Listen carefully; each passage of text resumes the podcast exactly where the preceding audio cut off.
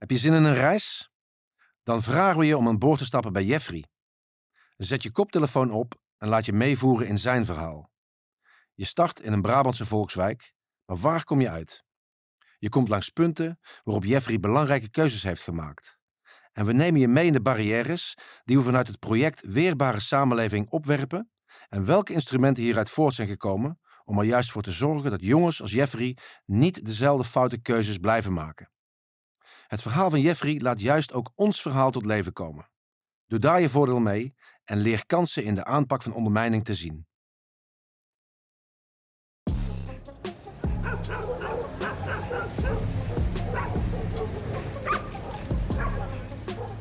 Welkom in mijn wijkje. Dit is nog zo'n buurt waarin we dingen zelf wel regelen. Geen bemoeienis van buitenaf. We letten een beetje op elkaar. Ons kent ons witte wel. Buitenstaanders hebben we hier eigenlijk liever niet. Maar maak je geen zorgen. Zolang je met mij bent, dan is het goed. Ik ben Jeffrey. Hier ben ik geboren en getogen. Ik was een probleemkind. Zo zouden ze dat tegenwoordig zeggen. Ons pap en ons mam keken niet echt naar me om. Er was altijd spanning thuis. Altijd ruzie. Vaak over geld. Ja, of eigenlijk het gebrek eraan. Ik heb meerdere keren meegemaakt dat de deurwaarders op de deur stonden te bonken en als pap in de gang stond te schreeuwen dat ze op moesten rotten. Het beetje geld dat er was, ging hij dan wegzuipen in de kroeg. Als hij dan weer ladders zat thuis kwam, was mijn moeder weer de klos. Ik hoorde hem beneden tekeer gaan als ik boven in mijn bed lag. Op school ging het ook niet zo lekker. Ik was slimmer als de meesten, maar ik kon me gewoon niet concentreren met het gezeik aan mijn kop. De leraren wisten ook niet hoe ze met me om moesten gaan. Ik stond meer op de gang dan dat ik in het klaslokaal zat. Op een gegeven moment kwam ik gewoon niet meer. En daar waren ze het niet zo mee eens. De leerplichtambtenaren, maatschappelijke werkers, weet ik allemaal wat. Geloof mij, ik heb ze allemaal gezien. Maar ze begrepen me gewoon niet.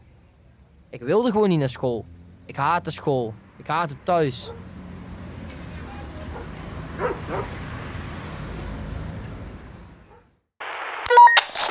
Een verhaal zoals dat van Jeffrey staat niet op zichzelf. Er zijn vele wijken in Nederland die kampen met dezelfde problematiek.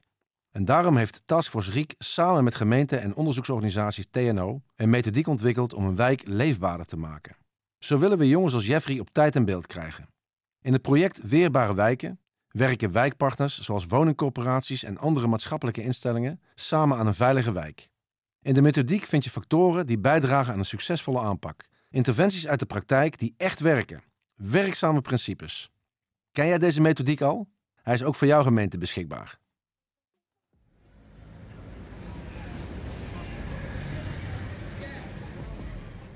Er gebeuren gekke dingen in de wijk. Tuurlijk wist iedereen dat de buurman van drie huizen verder zijn gloednieuwe Audi nooit van zijn schildersbedrijf kon betalen. Maar daar hadden we het gewoon niet over.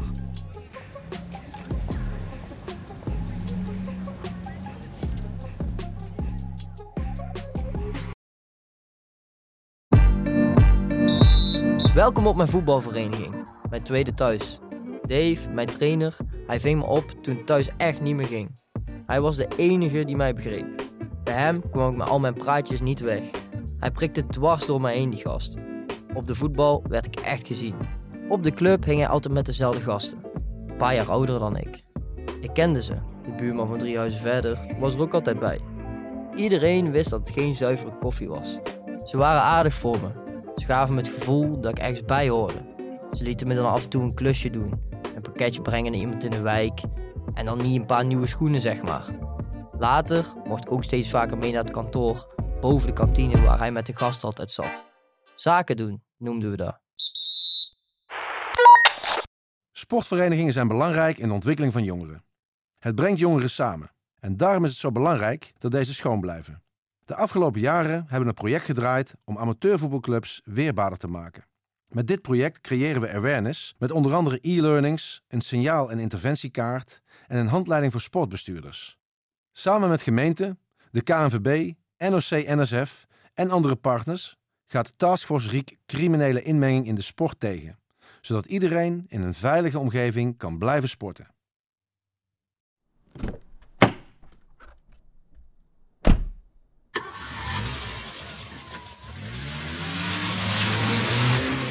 Toen ik 18 werd, kreeg ik van Dave mijn rijbewijs. Verjaardagscadeautje, zei hij. Eén dag nadat ik mijn rijwijs had gehaald, vroeg hij of ik pakketjes voor hem wilde gaan rondbrengen. Overal en nergens. Nederland, Duitsland, België. Het klonk eigenlijk meer als een opdracht dan als een vraag. Maar het maakte ook niks uit. Ik vond het prima. Hij was degene die mij uit de goot had getrokken, dus nu kon ik iets voor hem terug doen. Eerst reed ik in de oude Ford van Dave, maar op een gegeven moment werd het zoveel pakketjes dat het niet meer paste. Toen kreeg ik een busje. Simpel en snel couriersdiensten stond er op de zijkant.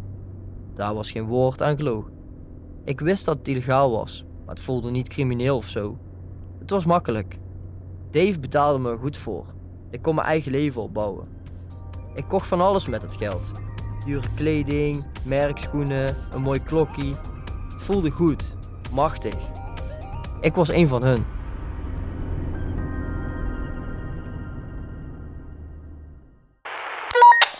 Vanuit de projecten Post- en Couriersdiensten en Transport Facilitated Organized Crime probeert Taskforce Riek mensen in de transportsector bewuster te maken van de signalen die wijzen op ondermijnende criminaliteit. Een signaal kan bijvoorbeeld zijn dat iemand ineens hele dure spullen koopt, zonder dat daar een logische verklaring voor is. Taskforce Riek probeert de transportsector duidelijk te maken dat we hen nodig hebben en dat melden echt helpt. Dit doen we bijvoorbeeld met trainingen en met operatie Zelos. Dat is een serious game. In dit spel leren spelers signalen te herkennen en je kunt dit spel zelf spelen via operatiezelos.nl.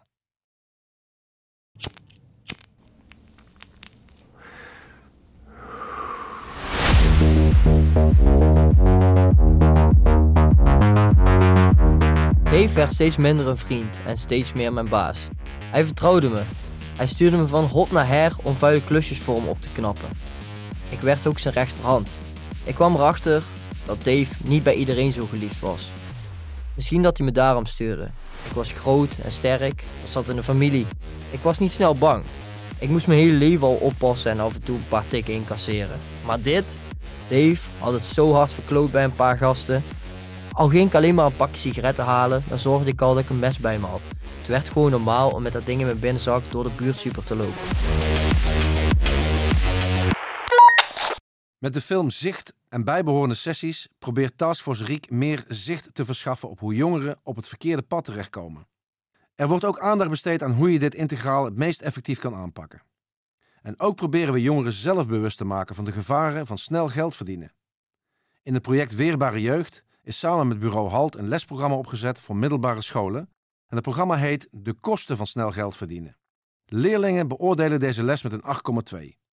En 47% van de jongeren die deze les heeft gevolgd, praten erover met hun ouders.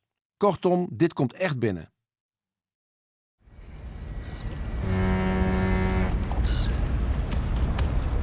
Dave werd opgepakt. Eerst alleen voor wapenbezit, maar later ook voor drugshandel en afpersing. Niemand wist hoe ze hem te pakken hadden gekregen. Die zit nog wel even vast. Ik had eruit kunnen stappen. Maar, maar wat dan? Werken? Voor een baas van 9 tot 5? Voor niks? Ik had geen diploma's. Dit is wat ik kan, waar ik iemand ben. Het bood vooral de kans om door te pakken. Dave's plekje in te nemen. Ik kende zijn contacten, zijn methodes, alles. Nu werken mensen onder mij. Ik verdiende meer geld dan ik kon uitgeven. Maar daar ging het al niet meer om. Ik moest doorgaan wat Dave gestopt was.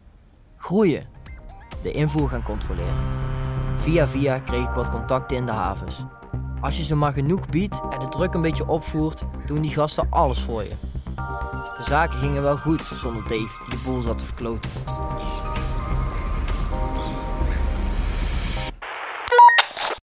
Criminelen hebben voor drugstransporten bijna altijd hulp nodig van binnenuit. Havenmedewerkers zijn dan ook een gewild doelwit. Door samen te werken met bedrijven in de havens van Moerdijk, Vlissingen, Borselen en Terneuzen hebben we het personeel hiervan bewuster gemaakt. Vanuit het project Veilige Zeehavens wordt aan het havenpersoneel een anti-ronselaarstraining aangeboden. Hierbij gebruiken we VR-technology en zetten we ook trainingsacteurs in. Veel medewerkers kenden de wegen naar de meldpunten nog niet, terwijl informatie van binnenuit zo belangrijk is. Met een social media campagne zorgden we voor bewustwording en nam de meldingsbereidheid in de zeehavens juist toe. Vanaf 2023 gaat dit project over in het Mainport-programma Zeehavens Zeeland West-Brabant.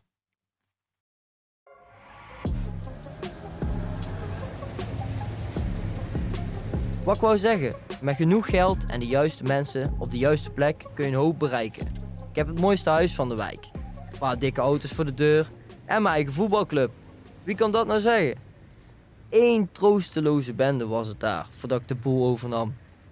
Ik heb de kleedkamers een beetje aangepakt, nieuwe grasmat neergelegd, maar bijvoorbeeld ook de speeltuintjes een beetje opgeknapt. De koning van de wijk noemden ze me opeens. Beetje gekkigheid natuurlijk. Ik zorg gewoon goed voor mijn wijkje. En mijn wijk zorgt voor mij. En toch weet je het nooit zeker. Ik pas nog altijd op. Er kan altijd iemand met een mes in je rug steken. Niemand heeft ooit geweten hoe Dave erbij is genaaid. Behalve ik. Vertrouw nooit iemand voor de volle 100%. Dat is mijn tip. Tenzij je de rest van je leven tussen vier muurtjes wil doorbrengen. Ik had weinig zin om mijn leven op het spel te zetten voor die gast, die prutser. Ik heb een deeltje gemaakt met concurrenten van hem. Zij zouden mij met rust laten als ik ervoor zou zorgen dat hij gepakt werd.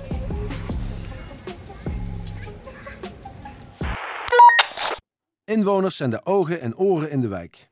Samen zien en horen we veel meer. Met het project Meldingsbereidheid probeert Taskforce Riek daarom op vernieuwende manieren de meldingsbereidheid in de wijken te verhogen. Waarom melden mensen nou iets wel of iets niet? Hier deden we onderzoek naar en we ontwikkelden verschillende interventies. We besteden volop aandacht aan de meldmogelijkheden die er zijn en de anonimiteit hiervan. Dit doen we bijvoorbeeld met de social media campagne Samen voor een veilige buurt. Ook slaat in Brabant en Zeeland de bijtende bende toe. We gaan met inwoners het gesprek aan. Ken jij de immersive room bijtende bende al?